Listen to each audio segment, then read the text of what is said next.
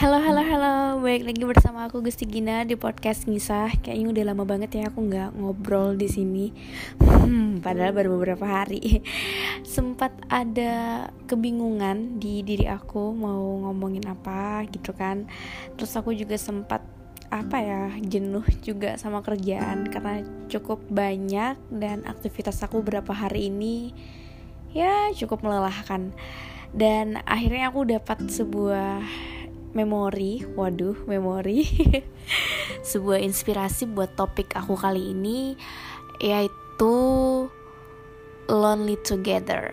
Maksudnya adalah ketika kita dalam sebuah hubungan baik itu pacaran ataupun pernikahan tapi kita tetap merasa kesepian. Bahkan saat pasangan mencintai pun kita tetap merasa kesepian gitu loh. Bahkan juga walaupun kita berusaha bahagia tersenyum deep inside di dalam hati kita kok kayak ada yang kurang ya? Kok ada yang ngerasa sepi ya? Kalian kira-kira pernah nggak ngalamin hal ini atau sedang mengalaminya? Sebenarnya aku tidak sedang mengalami yang cukup mendalam ya. Tapi setelah aku pikir-pikir oh ternyata ini penyebabnya. Lalu aku mikir mau bikin podcast ini. Jadi perasaan kesepian dalam sebuah hubungan itu adalah ketika kita ngerasa tidak didengar, tidak dilihat gitu. Misalnya kayak dianggap nggak ada gitulah, tidak mendapatkan afeksi, mendapatkan kasih sayang baik secara physically ataupun secara mentally gitu. Dan itu tentunya bikin kita ngerasa ah gimana ya? Aku bener-bener jenuh nih bener-bener capek. Biasanya akan muncul perasaan-perasaan kayak gitu. Aku sendiri karena sedang LDR so LDR kita tuh cuman di week di weekday aja sih. Kalau weekend kita ketemu jadi sangat-sangat rentan menurut aku ngerasain hal itu. Jadi kalau hubungan selama pacaran dan menikah itu beda banget sih.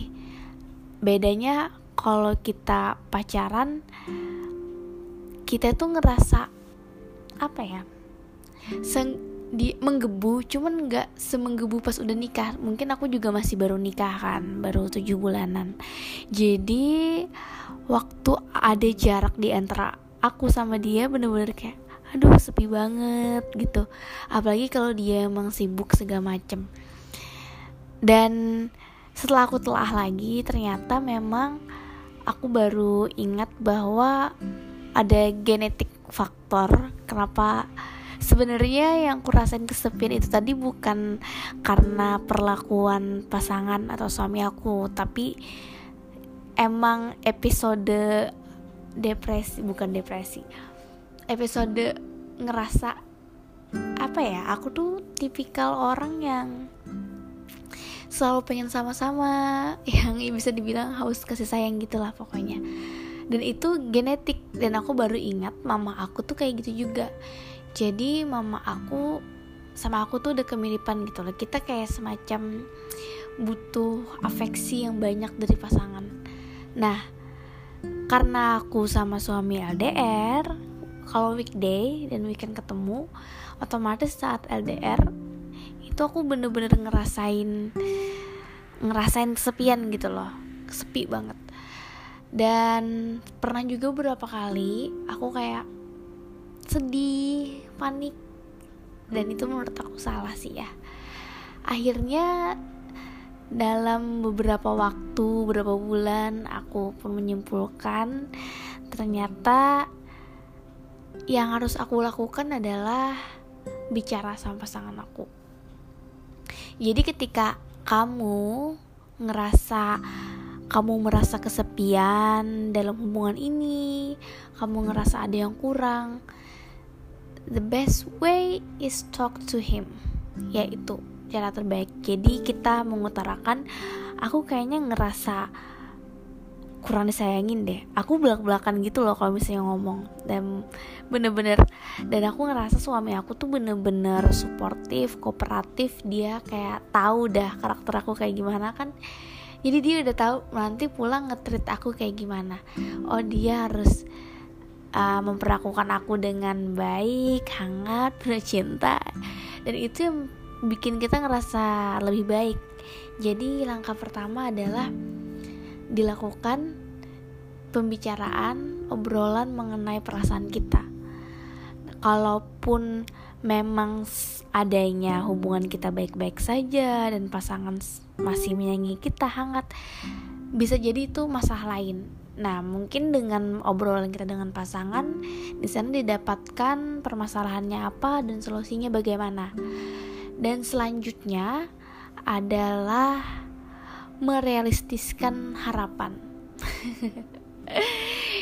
dalam hubungan pernikahan gak cuma nikah sih dalam pacaran pun sebelum kita resmi gitu ya dalam suatu hubungan kita masih jatuh cinta menggebu-gebu kita bakal berpikir dan berharap sebuah hubungan yang selalu bahagia, yang menyenangkan, yang penuh canda tawa gitu. Kita berbagi mimpi, kita berbagi visi, kita berbagi segalanya.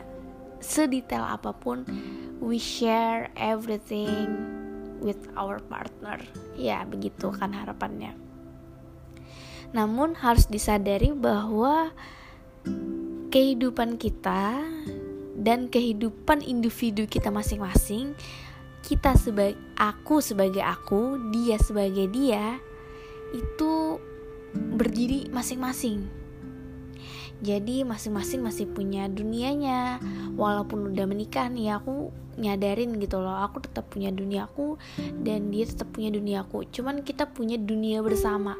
Nah kadang harapan yang terlalu tinggi, harapan yang terlalu tidak realistik itu malah membuat kita semakin sakit.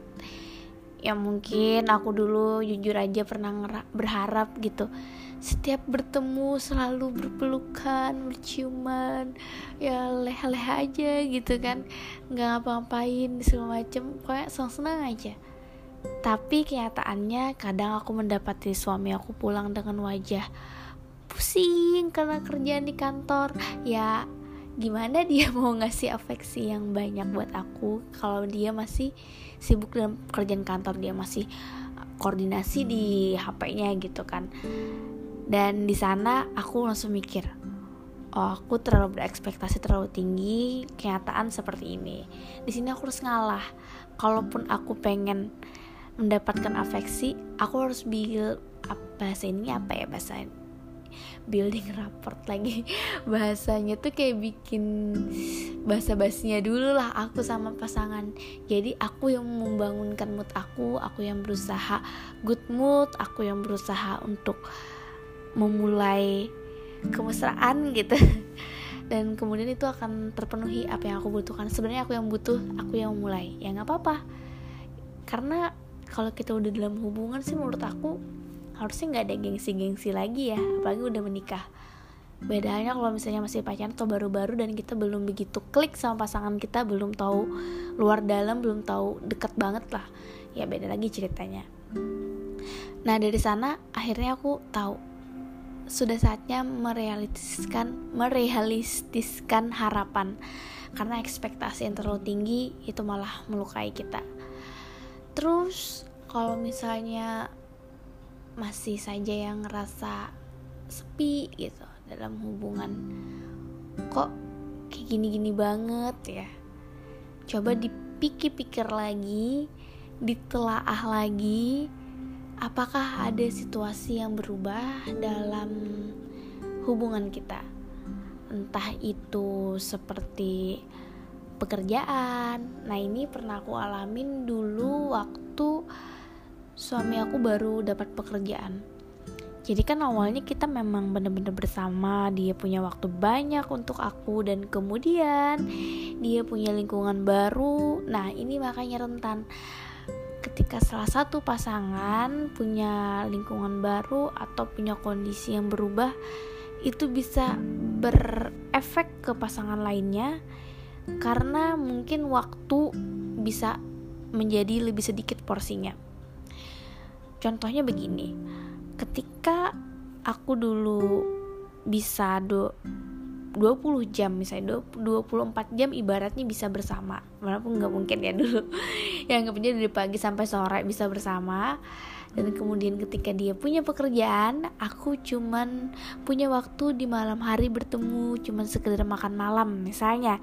Dan itu kan tentunya akan menimbulkan rasa hampa dari waktu pagi sampai sore itu dikarenakan kondisi yang berubah.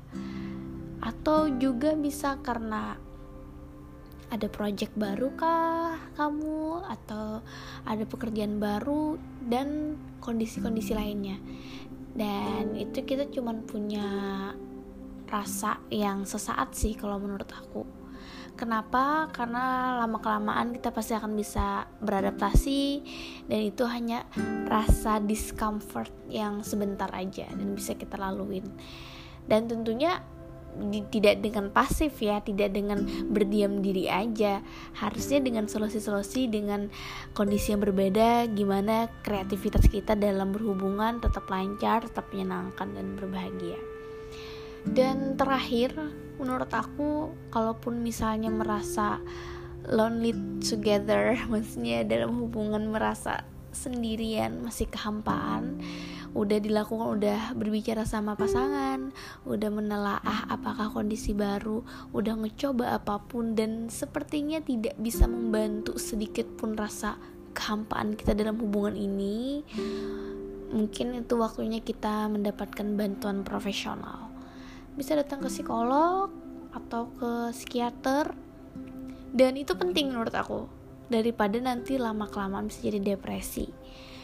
Bisa jadi kan nanti bingung sendiri gitu atau bengong nggak tahu mesti ngapain melamun segala macam nangis kayak aku tidak merasa dicintai aku tidak merasa didengar aku tidak merasa dilihat oleh pasanganku padahal pasangan kamu mungkin melakukan yang terbaik sudah. Cuman ada hal-hal yang tidak bisa kita lihat dengan mata kita sendiri dengan pasangan mungkin membutuhkan mata atau pandangan dari seseorang yang profesional di bidangnya. Ya itu aja sih sharing atau talking talking dari aku kali ini. Menurut aku dalam sebuah hubungan memang tidak bisa sih kita ngarep bahagia selamanya setiap waktu. Tapi gimana cara kita mengendarai emosi kita dan kita bisa stabil, kebahagiaan itu akan lebih long term gitu loh. Jadi lebih lama, lebih panjang dan kuncinya adalah di dua hal, yaitu komunikasi dan perhatian. Oke, okay, bye bye.